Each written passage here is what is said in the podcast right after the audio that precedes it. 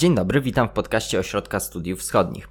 Dzisiaj porozmawiamy o Rosji z dosyć nietypowego spojrzenia. Będziemy rozmawiać o rosyjskim sektorze elektroenergetycznym. Jednym z pytań, które zadamy, będzie pytanie o ekologiczne źródła energii. Cały świat rozmawia o przemianach, które muszą zajść w tym sektorze ze względu na globalne ocieplenie. Niemcy wprowadzają swoją politykę, inwestują w to gigantyczne pieniądze. A co na to Rosja? Czy Rosja w ogóle myśli o tym, żeby jej miks energetyczny stał się bardziej eko? I o tym wszystkim na podstawie i w tle publikacji Upaństwowiona liberalizacja rosyjski sektor elektroenergetyczny 10 lat po reformie. O tym będę rozmawiał z doktorem Szymonem Kardasiem. Dzień dobry. To jest podcast Ośrodka Studiów Wschodnich.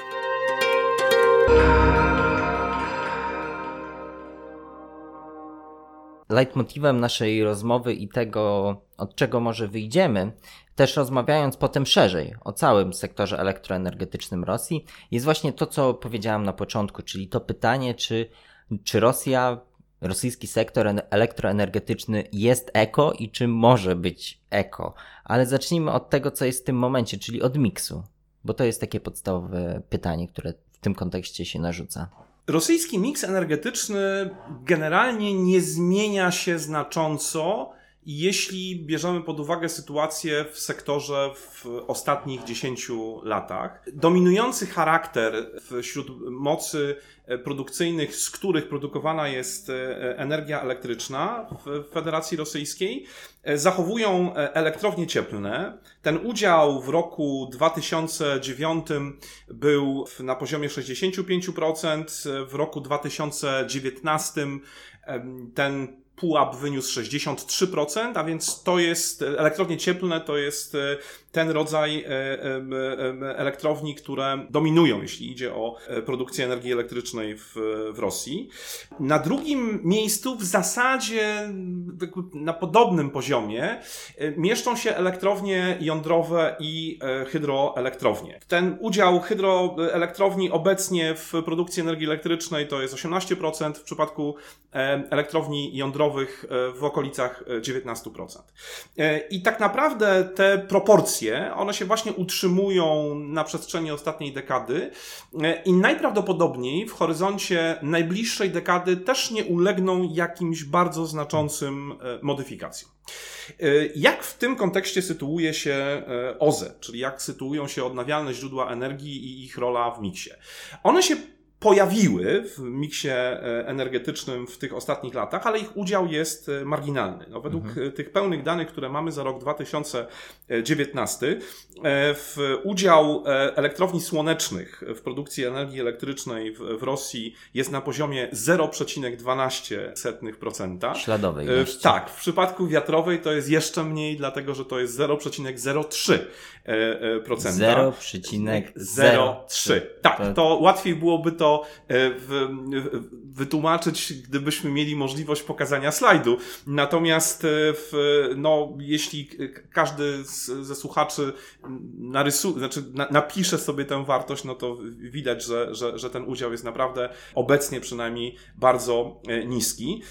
Rosjanie mieli ambitne plany dotyczące zwiększenia udziału e, OZE w miksie energetycznym rosyjskim do 2025 roku. Określono plany na poziomie 4,5% udziału w, w miksie ogółem.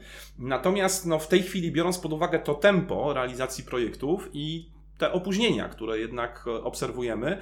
No, wielu ekspertów śledzących na bieżąco to, co się dzieje w rosyjskim sektorze elektroenergetycznym, twierdzi, że jeśli uda się to doprowadzić do poziomu 1% e, w horyzoncie najbliższych 5 lat, to będzie, e, to będzie dobrze. A w dłuższej perspektywie? E, a w dłuższej perspektywie, no właśnie, to jest pytanie, dlatego że no jeżeli to tempo na razie nie jest zbyt wysokie, to trudno jest zakładać, że w horyzoncie na przykład najbliższej dekady nastąpi tutaj jakieś, jakieś poważniej, jakaś, jakaś poważniejsza zmiana. Ale Tym, są jakieś poważne plany inwestycyjne? To jest właśnie bardzo ciekawy wątek, dlatego że z jednej strony e, na poziomie rządowym e, składane są deklaracje co do tego, że ten program e, rządowego wsparcia dla rozwoju sektora OZE zostanie utrzymany. Mało tego, ostatnio rząd Federacji Rosyjskiej podjął taką wstępną decyzję, że ten program wsparcia dla OZE ma być wydłużony do roku 2035. Ale równocześnie pojawiają się w dyskusje w, w, wśród ekspertów zajmujących się branżą energetyczną, że nie jest jasne, czy te, towarzyszyć temu będzie dostateczne wsparcie finansowe. Nawet w ostatnich tygodniach pojawiły się takie sygnały wskazujące, że ta wielkość wsparcia finansowego dla rozwijania odnawialnych źródeł energii w Rosji ma być zredukowana o połowę w stosunku do tego, co pierwotnie planowano. To no jeżeli tak, mówiąc inny to, kierunek niż tak, idzie jeżeli, jeżeli tak, to oczywiście staje pod znakiem zapytania to, czy e, ten sektor e, może faktycznie e, zyskać jakoś mocniej na znaczeniu. Gwoli sprawiedliwości jednak warto odnotować, że szczególnie w tych ostatnich dwóch latach, mam na myśli rok 2000, pełnych latach, czyli 2018-2019, nastąpił przyrost mocy generacyjnych w głównie w odniesieniu do elektrowni e, słonecznych e, i to trochę poprawia statystykę. No ale kiedy właśnie umieścimy to w kontekście e, czy mocy zainstalowanych w Rosji ogółem, czy w kontekście produkcji energii elektrycznej z poszczególnych rodzajów elektrowni, no to oczywiście to znaczenie odnawialnych źródeł energii nie jest, nie jest, nie jest duże. I jedna rzecz tylko, na którą warto na, jeszcze w tym kontekście zwrócić uwagę. E, to to, że mm, kiedy rozmawiamy o OZE, czy elektrowniach e, słonecznych, elektrowniach wiatrowych, czy tak zwanych małych elektrowniach wodnych, no to nie wliczamy do tego, i tak w bilansie rosyjskim też jest to przedstawiane, nie wlicza się do tego tak zwanych dużych hydroelektrowni. No a ich udział jakby w produkcji energii elektrycznej w Rosji, tak jak już wcześniej wspomniałem, e, jest całkiem przyzwoity. Z czego to wynika? Że... 18% to jest, to jest całkiem, to jest całkiem duży, to jest całkiem duży udział. Z czego to wynika, że się się nie wlicza? E, dlatego, że e, no, funkcjonowanie tych dużych hydroelektrowni ono nie jest, do końca, ono nie jest tak e, zielone, byśmy powiedzieli, jak, jak funkcjonowanie właśnie tych małych hydroelektrowni, które są wliczane do kategorii odnawialnych źródeł energii sensu stricte. Mhm, jasne. A to wy... Zastanawiam się, no bo na świecie temat zmiany energetycznej koniecznych zmian w sektorze elektroenergetycznym no, jest jednym z topowych tematów. Z czego wynika to, że rząd rosyjski nieszczególnie interesuje się tą, tą kwestią? Czy to wynika z niskiej presji społecznej? Czy ta presja społeczna jest, ale rząd ma swoje powody ekonomiczno-gospodarcze, aby działań w kwestii OZE nie podejmować? Zespół czynników ma charakter złożony. Po pierwsze, to jest konsekwencją tego, że jeśli idzie o kierunki rozwoju sektora energetycznego w Rosji, dominującą rolę e, odgrywało tak zwane lobby naftowo-gazowe i nadal odgrywa, bo to jest jakby ten kluczowy komponent e, rosyjskiej e, energetyki. I w związku z tym, ponieważ stawiano przez lata na rozwijanie projektów, czy w zakresie sektora naftowego, czy, czy gazowego, infrastruktura, która była budowana z myślą o eksporcie surowców energetycznych, tak, znowu głównie sektor gazowy, w mniejszym stopniu sektor naftowy, chociaż jeżeli chodzi o kierunek azjatycki, to akurat ten sektor naftowy tutaj też należy odnotować w kontekście wielkiego projektu, jakim był ropociąg e, Syberia Wschodnia, Ocean e, Spokojny. E, w związku z tym siłą rzeczy mniej uwagi poświęcano właśnie kwestii odnawialnych źródeł energii. Po drugie, dokładało się do tego coś, co rzeczywiście przez lata było pewną barierą rozwoju tego sektora, nie tylko zresztą w Rosji, to znaczy wysokie koszty dotyczące rozwijania projektów czy w zakresie energetyki słonecznej czy, czy, czy wiatrowej, co się zmieniło oczywiście na przestrzeni ostatniej dekady bardzo poważnie, bo te koszty właśnie produkcji energii elektrycznej z odnawialnych źródeł energii są obecnie już dużo niższe. Ale to przez lata było traktowane jako pewnego rodzaju bariera, tak? Znaczy kwestia mhm. opłacalności, właściwie braku opłacalności rozwijania tego typu projektów. Po trzecie, niewątpliwie pewne znaczenie, y, ale to już niekoniecznie związane z, z stricte z OZE, mhm. tylko jeżeli dotykamy zagadnień zagadnień klimatycznych, tak, czy, czy, czy, czy środowiskowych, to rzeczywiście była kwestia, która niespecjalnie jakoś zajmowała czy rosyjskie elity władzy, czy też rosyjskie społeczeństwo przez wiele lat. Teraz ten temat staje się ważny i on się coraz częściej w debacie publicznej, też rosyjskiej, zaczyna pojawiać. To znajduje też odzwierciedlenie w treści wielu dokumentów strategicznych i to być może będzie miało też pewne przełożenie na zmianę sposobu myślenia o OZE. No tylko, że właśnie, jeżeli zderzamy to z tym, co e, na razie e, widać, jeśli idzie o ten bilans e, konkretnych projektów, no to to jest nadal jakby dalekie od, od tego, co mogłoby w jakiś znaczący sposób zmienić sytuację w samej Rosji. Mhm. E, chciałem zapytać tutaj, już mówiłeś o, o roli energii atomowej w tym miksie. Rola jest na pewno większa energii atomowej niż OZE, to, to widzimy już bezpośrednio po tych liczbach, e, ale czy Rosja ma plan rozwoju w tym kierunku, rozwoju swojego potencjału w energii atomowej? Czy to jest jakaś, jakaś droga do tego, żeby Rosja stała się mniej emisyjna, może w ten sposób? Ten udział e, energii jądrowej, on jest, e, tak jak wcześniej e, zauważyliśmy, on jest dość stabilny, jakby z punktu widzenia miksu energetycznego i to się raczej nie zmieni. Rosjanie rozwijają nadal swoje projekty jądrowe, zastępują stare bloki nowymi.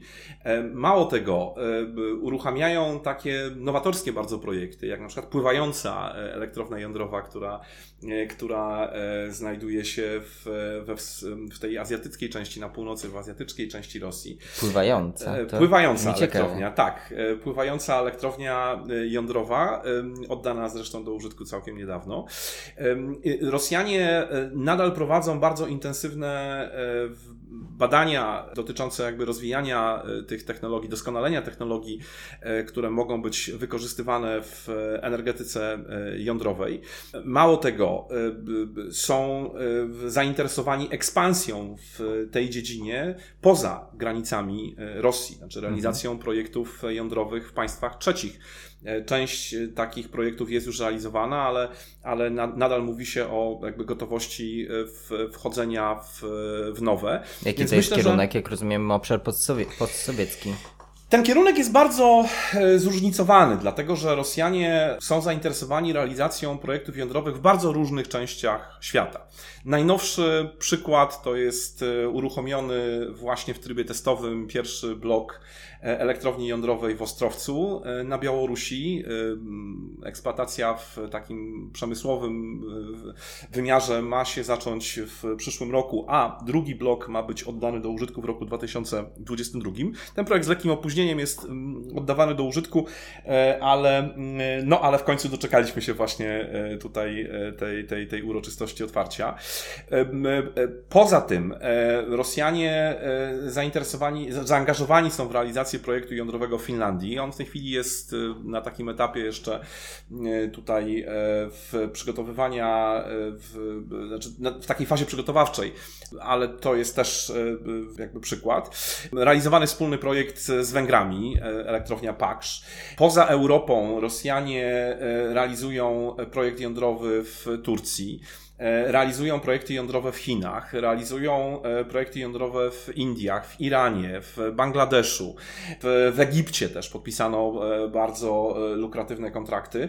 A więc ta skala zaangażowania, jeśli idzie o zakres geograficzny, jest rzeczywiście niezwykle szeroka. E, w 9 listopada podczas takiego specjalnego przesłuchania w Dumie Państwowej obecny minister energetyki Federacji Rosyjskiej, który za chwilę zostanie wicepremierem rosyjskiego rządu, to jest Już awans, może jest, jak Państwo Może już jest, właśnie.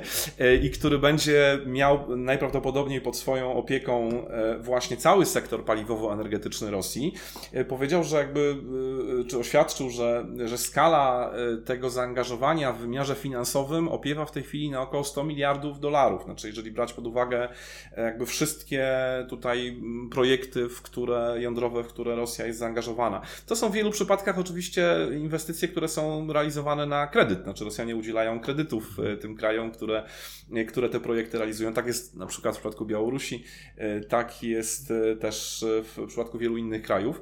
Różne są tylko warunki, no i też zakres zaangażowania ze strony partnerów zagranicznych, w których te projekty mają być realizowane. Ale to pokazuje rzeczywiście, że, że to jest bardzo strategiczny kierunek rozwoju, jeśli idzie o rosyjski sektor energetyczny rozumiany całościowo. Mhm. Czyli można powiedzieć, że. A czy nie wiem, czy to nie będzie nadinterpretacja, ale e, no mówimy i dużo o tym sygnalizujemy to w wielu publikacjach, że Rosja, co jest oczywistością, Rosja wykorzystuje swoje surowce, e, ropę naftową, gaz do polityki zagranicznej. To jest dla wszystkich oczywiste, ale czy więc możemy powiedzieć, że energia atomowa, technologia z tym związana może być czymś podobnym albo już jest? Z jednej strony nie ulega wątpliwości, że Rosjanie traktują realizację projektów w zakresie energetyki jądrowej jako formę wzmacniania swoich wpływów gospodarczych i politycznych w tych krajach, w których te projekty są realizowane. Bardzo dobrym tego przykładem jest, jest właśnie Białoruś, takim przykładem jest, są też Węgry.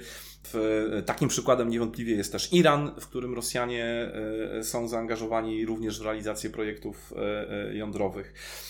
A więc to niewątpliwie jest forma jakby wzmacniania swojej obecności nie tylko w wymiarze właśnie gospodarczym, ale też, ale też politycznym. Z drugiej strony jednak widzimy, że to jest taki sektor, który no nie daje aż takich możliwości oddziaływania jest politycznego. Tak, jak w przypadku swego czasu bardzo intensywnie wykorzystywanych instrumentów w zakresie e, polityki gazowej chociażby, czy, czy, czy naftowej. E, dlatego że w przypadku tych krajów, które były na przykład w bardzo dużym stopniu uzależnione od dostaw e, gazu czy ropy z Rosji, w takim wymiarze e, bezalternatywnym, to znaczy gdzie, gdzie rzeczywiście odbiorcy nie mieli możliwości pozyskiwania surowca z innych źródeł albo pozyskiwania tylko w ograniczonych ilościach, no to Rosjanie to bardzo intensywnie wykorzystywali, tak? Widzieliśmy to przez wiele lat na przykładzie Ukrainy, widzieliśmy to na przykładzie też odbiorców w Europie, Środkowej e, czy Europie e, Południowej, tak, gdzie ten poziom zależności przekraczał 70-80, w niektórych krajach wynosił nawet 100%. I jak to się zaczęło zmieniać w momencie, kiedy e, kraje rozpoczęły politykę dywersyfikacji i, i kiedy pojawiać się zaczął surowiec z innych źródeł.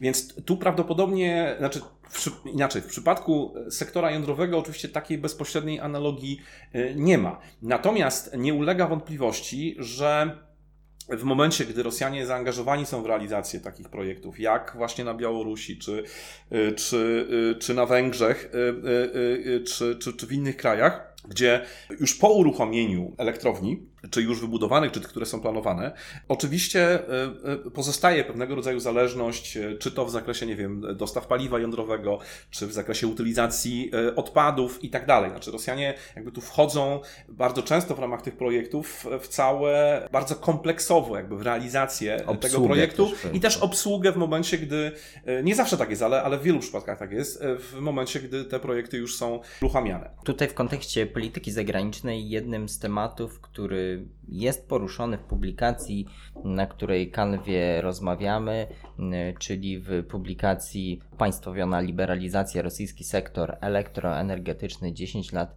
po reformie. Publikacja oczywiście dostępna za darmo na naszej stronie. Pojawia się tam także temat właśnie wykorzystania ogólnie sektora elektroenergetycznego do celów polityki zagranicznej. E, a no właśnie, no więc z jednej strony e, tak naprawdę ten, ten główny wymiar, w którym Rosjanie próbują ten sektor jakoś poważniej wykorzystywać jako instrument w polityce zagranicznej, dotyczy projektów jądrowych, które zaangażowany jest koncern Rosatom, no i wszystkie spółki, które są jakby w ramach tego holdingu ze sobą powiązane. I tutaj e, oczywiście mamy całe jakby spektrum, e, spektrum e, projektów, w które Rosatom jest zaangażowany i poprzez które oczywiście Rosjanie próbują te swoje polityczne wpływy wzmacniać. No, bardzo dobrym przykładem, takim najświeższym, o którym możemy porozmawiać, jest kazus białoruski, mhm. gdzie warunki realizacji tego projektu e, pokazują, że choć formalnie jest to, jest to projekt białoruski, to oczywiście warunki jego realizacji e, są takie, że no, rosyjski wpływ, rosyjski udział e, nie tylko w ramach realizacji samej budowy, ale też po oddaniu i do, do, do, do użytku będzie, będzie poważny. E, e, po pierwsze, dlatego, że jest to inicjatywa, e, która jest kredytowana na poziomie 10 miliardów dolarów przez Rosję, który to kredyt Białoruś będzie musiała spłacić, a biorąc pod uwagę różne wyzwania gospodarcze, które stoją przed, przed Białorusią i, i ta niewesoła sytuacja, która się kształtuje w, po sfałszowanych wyborach prezydenckich, co zamyka pewne możliwości tutaj w, jakieś, jakieś pole manewru dla, dla władz białoruskich, e, e, e, to z pewnością będzie, będzie pewnym wyzwaniem i nie można wykluczyć, że Rosjanie będą wykorzystywali to na przykład do formy tutaj wchodzenia w, w, we własność tego projektu. No, nie można wykluczyć, że krótko mówiąc ten kredyt będą chcieli zamienić na, na, na, na udziały w samej elektrowni i że ona się po jakimś czasie stanie własnością rosyjską, a przestanie być własnością białoruską, przestanie być kontrolowana na przykład przykład przez, przez Białoruś. Oczywiście to jest tak, że też ten projekt, który był pomyślany jako, jako projekt nie tylko z przeznaczeniem na rynek białoruski, bo ten pierwszy blok, który właśnie w trybie testowym uruchomiono, on miał służyć temu, aby, mm, aby y, zaopatrywać w energię elektryczną y, rynek białoruski i umożliwiać wyłączanie elektrowni y, działających na przykład na gaz to drugi blok miał mieć e, przeznaczenie w zasadzie przede wszystkim eksportowe. To znaczy Rosjanie oczekiwali, że poprzez realizację tego projektu uda się uruchomić sprzedaż energii elektrycznej na rynki państw e, sąsiednich, czyli państw bałtyckich. Również były pewne nadzieje, że, że może Polska będzie potencjalnie takim rynkiem mhm. zbytu. No a przez to oczywiście e, ta rosyjska energia elektryczna w takiej szerszej skali mogłaby wejść na rynek europejski. Tak? Rosjanie mhm. sprzedają do, do, do Finlandii pewne ilości energii elektrycznej, na Litwę, no ale tutaj ta elektrownia i, i ten drugi blok o orientacji eksportowej oczywiście tworzyłby z perspektywy rosyjskiej e, nie, nie, nieporównywalnie większe szanse. A więc, e, a więc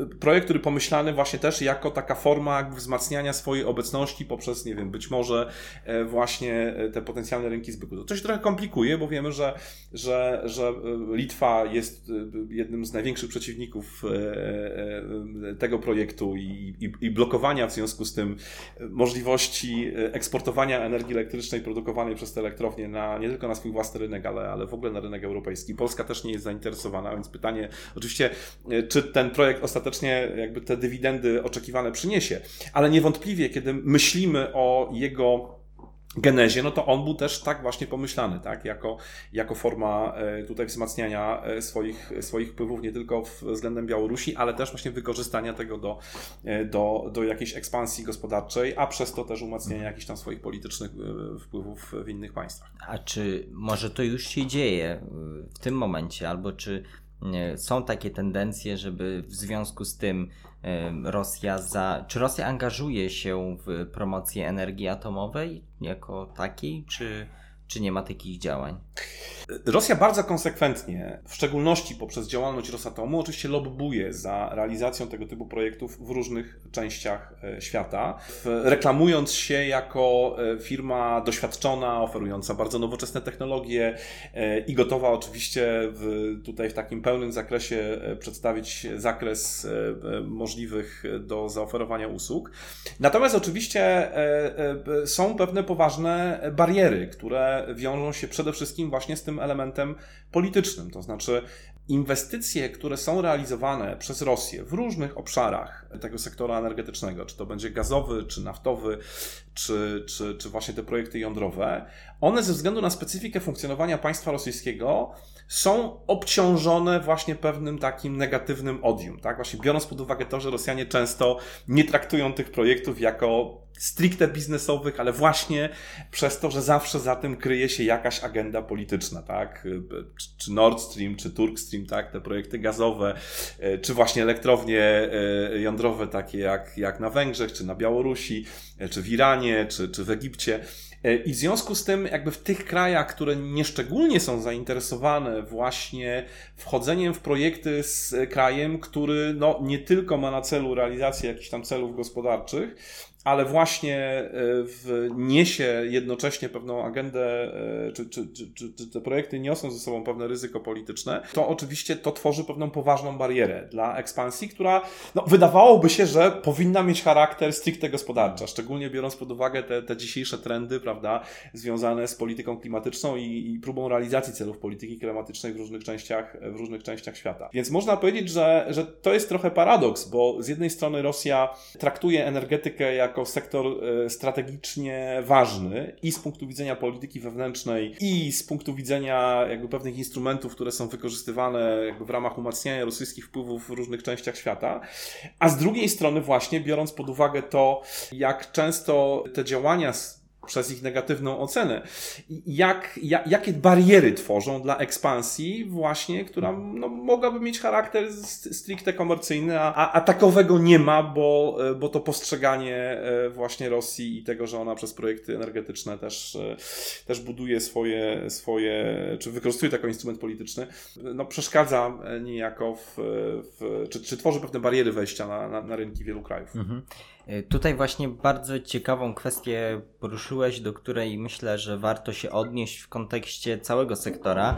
Do tego też głównie odwołujemy, odwołujesz się w publikacji, e, którą przytaczałem. Wydaje mi się, że tutaj można opowiedzieć, to jest ciekawy moment, żeby opowiedzieć o funkcjonowaniu rosyjskiego państwa na podstawie sektora elektroenergetycznego, nie, nie tylko energii nie tylko energii e, atomowej, ale także całego tego sektora, bo właśnie nawet ten tytuł publikacji Upaństwowiona liberalizacja to już nam dużo mówi. Mhm. W Rosji przeprowadzono reformę sektora elektroenergetycznego, która generalnie miała na celu jego liberalizację, to znaczy E, rozdzielenie e, po pierwsze segmentów różnych tego sektora, tak, czyli produkcji, od dystrybucji, od sieci przesyłowych, no i wprowadzenie jakby pewnej realnej konkurencji, przynajmniej w części tych segmentów, co miało e, oczywiście doprowadzić do tego, że no, efektywność tego, funkcjonowania tego sektora się, się poprawi. No a w praktyce po tych 10 latach z małym okładem, które odnotowujemy po e, przeprowadzeniu tej reformy, mamy do czynienia z sytuacją, w której e, to państwo nadal zachowuje i struktury państwowe nadal zachowują kluczową rolę jakby z punktu widzenia funkcjonowania wszystkich tych segmentów, e, które były objęte reformą. To dotyczy zarówno segmentu produkcji, gdzie podmioty państwowe albo kontrolowane przez państwo są głównymi producentami energii e, elektrycznej, bo jeśli popatrzymy na e, ten katalog e, kluczowych podmiotów, które, które tę energię produkują, no to mamy Rosenergoatom, czyli firmę, która jest operatorem elektrowni jądrowych, kontrolowana przez państwo. Mamy Gazprom Energo Holding, czyli taki holding, jakby w ramach którego funkcjonują elektrownie produkujące energię elektryczną głównie z elektrowni e, gazowych choć nie tylko. E, znowu, e, Gazprom Energo Holding, jak sama nazwa wskazuje, holding kontrolowany przez Gazprom, czy należący do grupy Gazprom, a koncern Gazprom jest kontrolowany przez państwo. E, mamy wreszcie grupę Rusgidro, czyli ten, tę kluczową firmę energetyczną, która produkuje energię elektryczną z hydroelektrowni. Znowu, koncern kontrolowany przez państwo.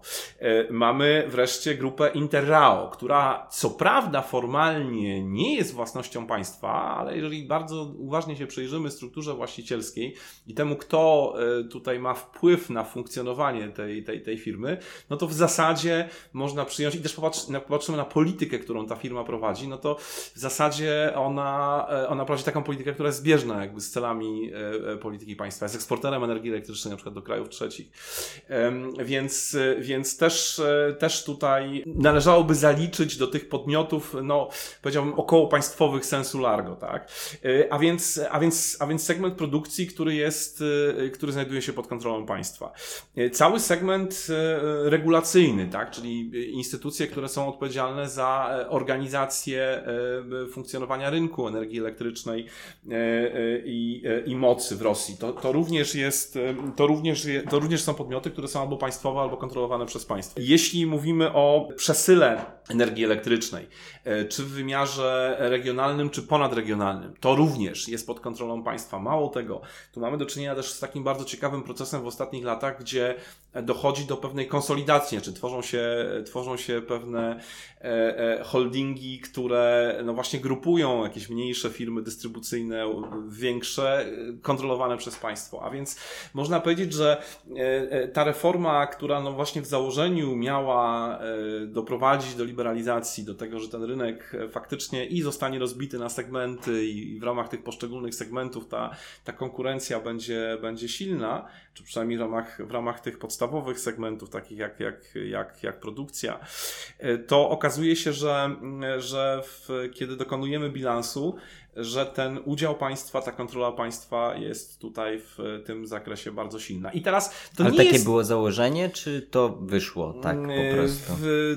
To, y, to znaczy, to się wpisuje w pewnym sensie w taką logikę, która obowiązuje, mam wrażenie, w rosyjskim sektorze energetycznym w ogóle. To znaczy, ponieważ jest to sektor bardzo strategiczny i to podkreślano na poziomie różnych dokumentów, e, które się przyjmuje nie tylko w odniesieniu do tego sektora, tak, typu strategia energetyczna odnawiana e, co jakiś czas, e, w najnowszym wariancie obowiązuje do 2035 roku, ale też w jakichś tam dokumentach sektorowych, tak, dotyczących rozwoju poszczególnych obszarów, czyli nie wiem, e, sektora gazowego, e, naftowego, właśnie elektroenergetycznego, e, czy w tych dokumentach, które, które dotyczą w ogóle rozwoju gospodarczego Federacji Rosyjskiej. Tu też cała masa tego typu dokumentów jest przyjmowana czy przez rząd, czy przez na przykład Ministerstwo Rozwoju Gospodarczego, gdzie no, podkreśla się to znaczenie sektora energetycznego. No i za tym idzie właśnie to, że jednak państwo, ponieważ traktuje ten sektor jako strategiczny, no to chce zachować e, e, nad nim kontrolę, czy chce mieć wpływ na te kluczowe procesy, które się w ramach tego sektora e, dzieją. No i w związku z tym, i w związku z tym ta rosyjska energetyka, ona cały czas jest takim sektorem, w którym to państwo na różnych poziomach odgrywa istotną rolę. Oczywiście to jest tak, że kiedy mówimy państwo, to powinniśmy rozumieć pod tym pojęciem kilka ośrodków, które wpływają na ostateczny kształt tej e, polityki. I to również dotyczy sektora elektroenergetycznego, tak? bo, e, w, bo mamy mm, e, Ministerstwo Energetyki jako resort, który no, nominalnie jest tutaj odpowiedzialny za wypracowywanie pewnych dokumentów dotyczących rozwoju e, sektora energetycznego w ogóle i, i, i w tych różnych obszarów w, szczególności. Mamy, mamy też w, pewną rolę, jaką odgrywa parlament, a szczególnie ta niższa izba parlamentu, czyli Duma Państwowa, gdzie, gdzie nad tymi projektami ustaw dotyczącymi sektora energetycznego się pracuje i czasami też pewne zmiany tutaj są, są wprowadzane. E, w, mamy też jakby resorty, które funkcjonują w ramach, w ramach rosyjskiego rządu, one nie są wprost związane z, z czy nie, nie mają jakby tej głównej odpowiedzialności za wypracowywanie założeń polityki energetycznej, ale jakoś tam pośrednio też mają na to wpływ, nie Ministerstwo Finansów, czy, czy Ministerstwo e, e, Zasobów Naturalnych. Natomiast nie ulega wątpliwości, że e, tą kluczową instancją dotyczącą jakby takich najważniejszych kierunków e, rozwoju tego sektora e, jest, jest główny decydent, to znaczy prezydent Władimir Putin, jego administracja. No ale Władimir Putin, tak, głównie, który wiadomo, że E, musi e, e, pobłogosławić te najważniejsze decyzje, które, które są proponowane i które w jakiś strategiczny sposób zmieniają jakby zasady funkcjonowania sektora. I to pokazuje, że bo to, to nie jest tak, że oczywiście Władimir Putin podejmuje każdą decyzję, tak, dotyczącą, nie wiem, każdego ruchu na rynku energetycznym, czy dotyczącą każdej inwestycji, tak, która ma jakiejś tam małej, która ma być realizowana. Jakiejś, nie wiem, małej elektrowni słonecznej, którą, którą gdzieś zamierzają oddać władzę jednego z regionów do użytku.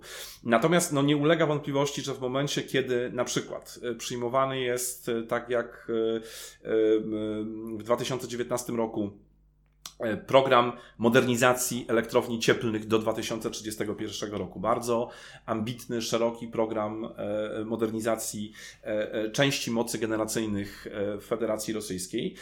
To jego kluczowe parametry, nie wiem, zakres finansowania, jakieś podstawowe założenia, czy w ogóle sama, sama decyzja co do tego, że taki program ma być realizowany, no to oczywiście musi uzyskać akceptację Władimira Putina i to pokazuje właśnie, że E, że no ta, ta, ta rola państwa dotycząca i strategicznych kierunków, no ale też jak widzimy poprzez strukturę właścicielską, potem funkcjonowania na, na tych niższych szczeblach, no ta rola państwa jest tutaj, e, jest tutaj kluczowa i nie sądzę, żeby w ramach e, tego systemu, który został stworzony w, pod rządami Władimira Putina, czyli tego pionu władzy, który najczęściej kojarzymy z pionem politycznym, ale tak naprawdę to jest pewien pion władzy, który w zasadzie jest widoczny na różnych poziomach funkcjonowania państwa i w gospodarce, i, i w sferze medialnej, i jeszcze parę innych można by tu wymienić. E, że dopóki ten, ten, ta, ta struktura pionowa, ta, ta e, vertical właści e, zostanie utrzymana, to nie sądzę, żeby miało się coś fundamentalnie zmienić, jeśli chodzi o, o zasady funkcjonowania sektora energetycznego i tę kluczową rolę, jaką państwo w nim odgrywa.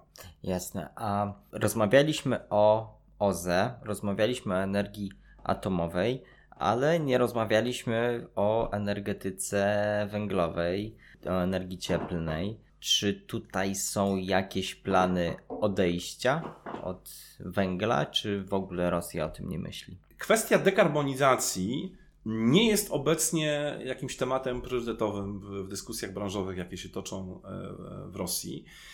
E, I e, na razie nic nie wskazuje na to, by ten temat miał jakoś poważniej e, zaistnieć. No, tak jak już wcześniej wspominaliśmy, ten miks energetyczny on zasadniczo w, w horyzoncie najbliższej dekady nie powinien ulec e, zmianie.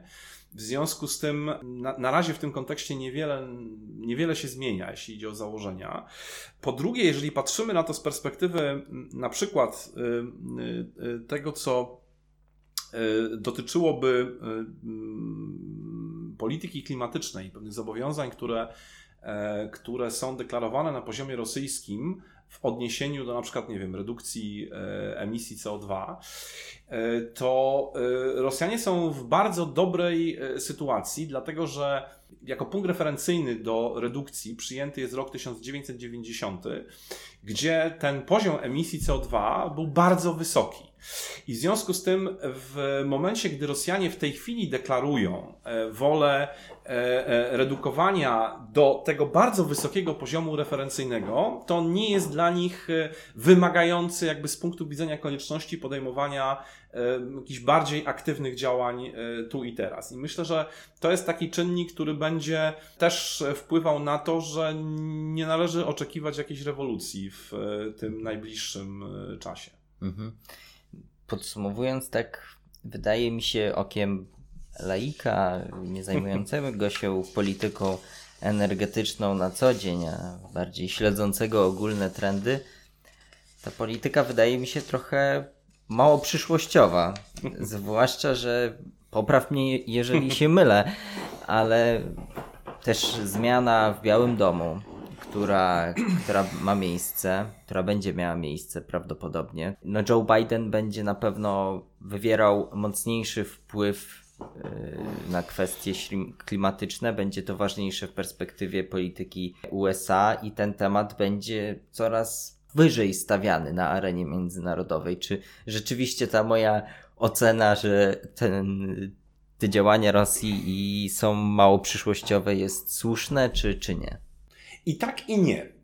E, I teraz e, w, z jednej strony mamy do czynienia z taką sytuacją, gdzie e, ta bardzo intensywnie rozwijana agenda klimatyczna w różnych częściach świata i w Unii Europejskiej, ale też w Azji. Warto zwrócić uwagę na deklaracje, jakie składają takie kraje jak Chiny czy Japonia a propos neutralności e, klimatycznej. To wszystko e, rodzi e, w, z punktu widzenia Federacji Rosyjskiej pewne wyzwania, no bo na dwóch strategicznych rynkach zbytu, czyli na rynku europejskim i właśnie na tym drugim, na który Rosjanie bardzo liczą, czyli na rynku chińskim, będą w ciągu najbliższych dekad, jeżeli oczywiście te państwa z tych regionów nie zmienią radykalnie założeń swojej polityki, a nic na to nie wskazuje, będą działy się procesy, które są dla Rosji niekorzystne. Bo warto zwrócić uwagę na to, że w kontekście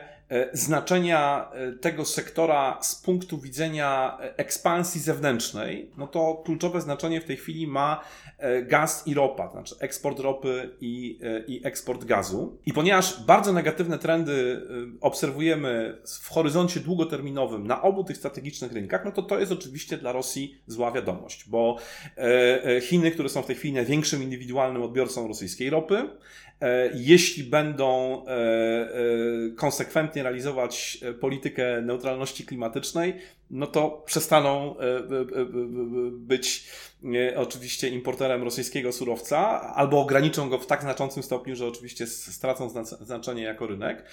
Podobnie Unia Europejska, która jest w tej chwili najważniejszym, jeśli bierzemy pod uwagę wolumeny, rynkiem zbytu dla rosyjskiej ropy. Podobnie w gazie.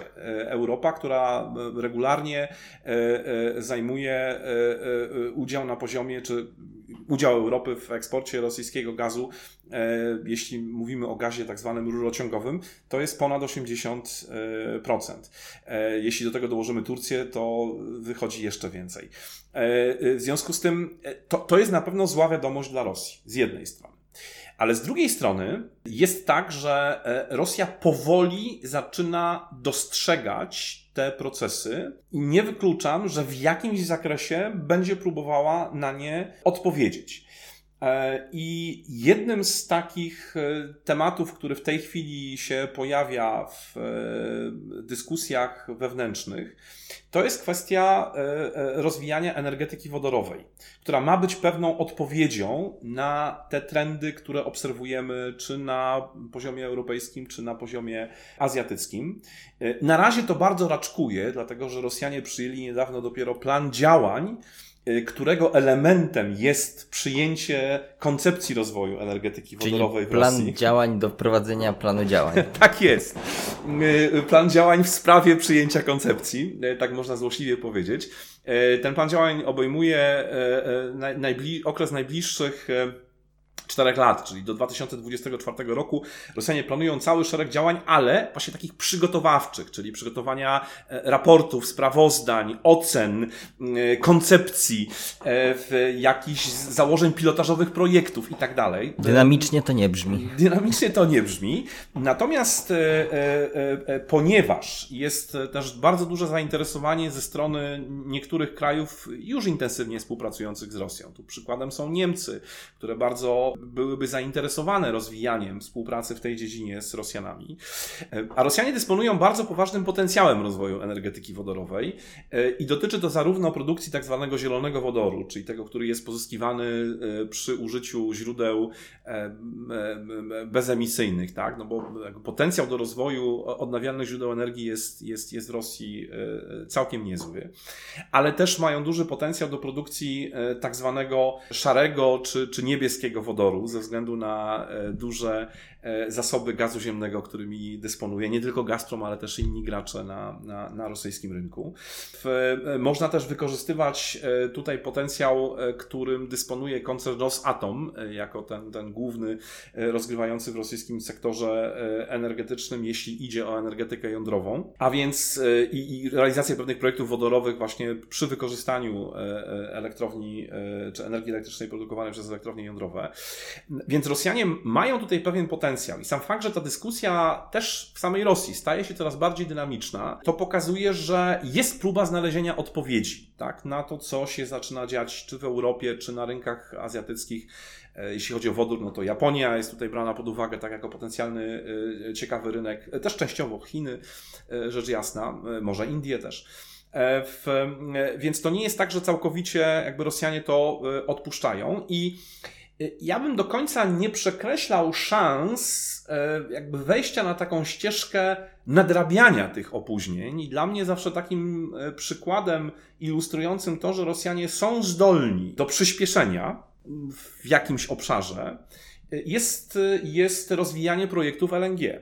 Był taki moment, kiedy wydawało się, że Rosjanie przespali LNG E, i, e, i że mogą stracić e, bardzo dużo, jeśli idzie swoją pozycję na, na regionalnych rynkach gazowych, czy, czy, czy, czy tym globalizującym się rynku gazowym, ze względu na to, że, że nie w porę przystąpili do realizacji tych projektów. Ale pojawił się w pewnym momencie koncern Nowatek, największy prywatny producent gazu w Rosji, który dzięki swoim bardzo dobrym kontaktom towarzyskim z wierchuszką, czy przede wszystkim z Władimirem Putinem i tym związkom właśnie takim towarzysko-politycznym, e, przystąpił do e, ekspansji e, i oddał już jeden bardzo duży projekt LNG, kolejny jest, kolejny jest w drodze, następne są planowane. Jeżeli dobrze pójdzie, to ta strategia rozwoju w, w odniesieniu do LNG, ona może przynieść bardzo dobre e, rezultaty w horyzoncie e, najbliższej dekady i pozwoli Rosji, a taki jest plan,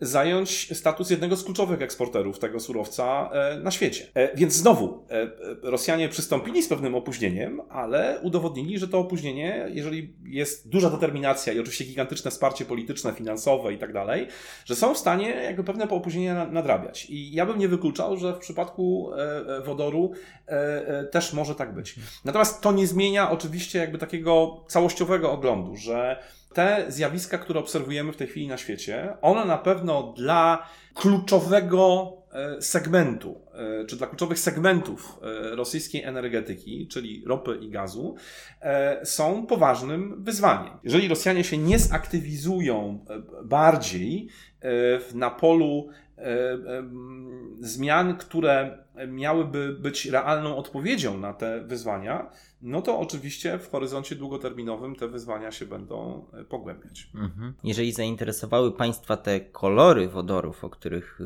mówił dr Szymon Kardaś, to więcej o tym jest w podcaście z Michałem Kędzierskim, tak. gdzie rozmawiamy właśnie o wodorze jak go wykorzystują Niemcy i tam Michał dokładnie tłumaczy, właśnie te kolory, bo okazuje się, że wodór ma różne kolory. Oczywiście w takim wymiarze, nazwijmy go publicystycznym, czy dotyczącym wykorzystania go w energetyce.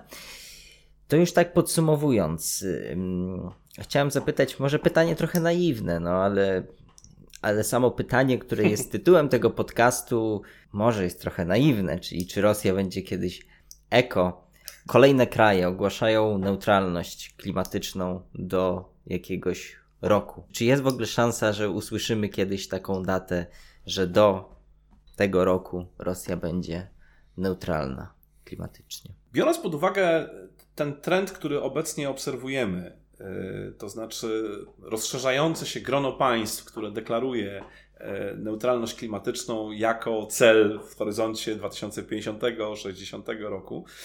Ja nie wykluczam, że przyjdzie taki moment, kiedy podobne słowa e, usłyszymy w Rosji, ale nie sądzę, żeby miało to nastąpić e, szybko, czyli w najbliższych latach.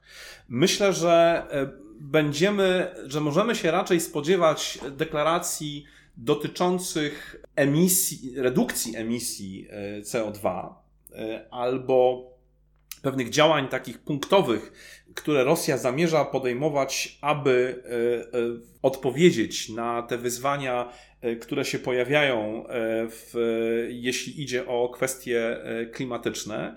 Ale raczej w ten moment, w którym padną bardzo ost, znaczy bardzo takie ostre i jednoznaczne deklaracje dotyczące neutralności klimatycznej, na ten moment jeszcze pewnie będziemy musieli e, poczekać. To żeby umilić Państwu czekanie, publikacji mamy bardzo dużo na sw.waw.pl, także te doktora Szymona Kardasia ja jeszcze raz na koniec zapraszam do, do lektury raportu Państwowiona Liberalizacja. Link jest oczywiście w opisie do tego podcastu. Zachęcam także do posłuchania poprzednich podcastów i zerknięcia na nasz kanał główny na YouTube. Tam prezentujemy materiały m.in. o wyborach prezydenckich w Stanach Zjednoczonych i ich konsekwencjach na arenie międzynarodowej. Już wkrótce także na naszym kanale na YouTube i także tutaj na, e, na kanałach podcastowych, na których Państwo nas słuchacie. E, również z Szymonem Kardasiem między innymi będziemy rozmawiać o wpływie wyborów prezydenckich USA na chociażby kwestię Nord Stream 2. Czy coś się w tej kwestii zmieni? Czy nowa administracja będzie miała inne plany co do tej inwestycji i czy ma inną opinię niż administracja Donalda Trumpa. Aby być na bieżąco, wystarczy kliknąć obserwuj na platformie, której Państwo nas słuchacie, albo subskrybuj na YouTubie.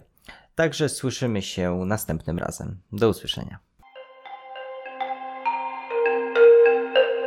Wysłuchali Państwo podcastu Ośrodka Studiów Wschodnich. Więcej nagrań można znaleźć na stronie www.osw.waw.pl.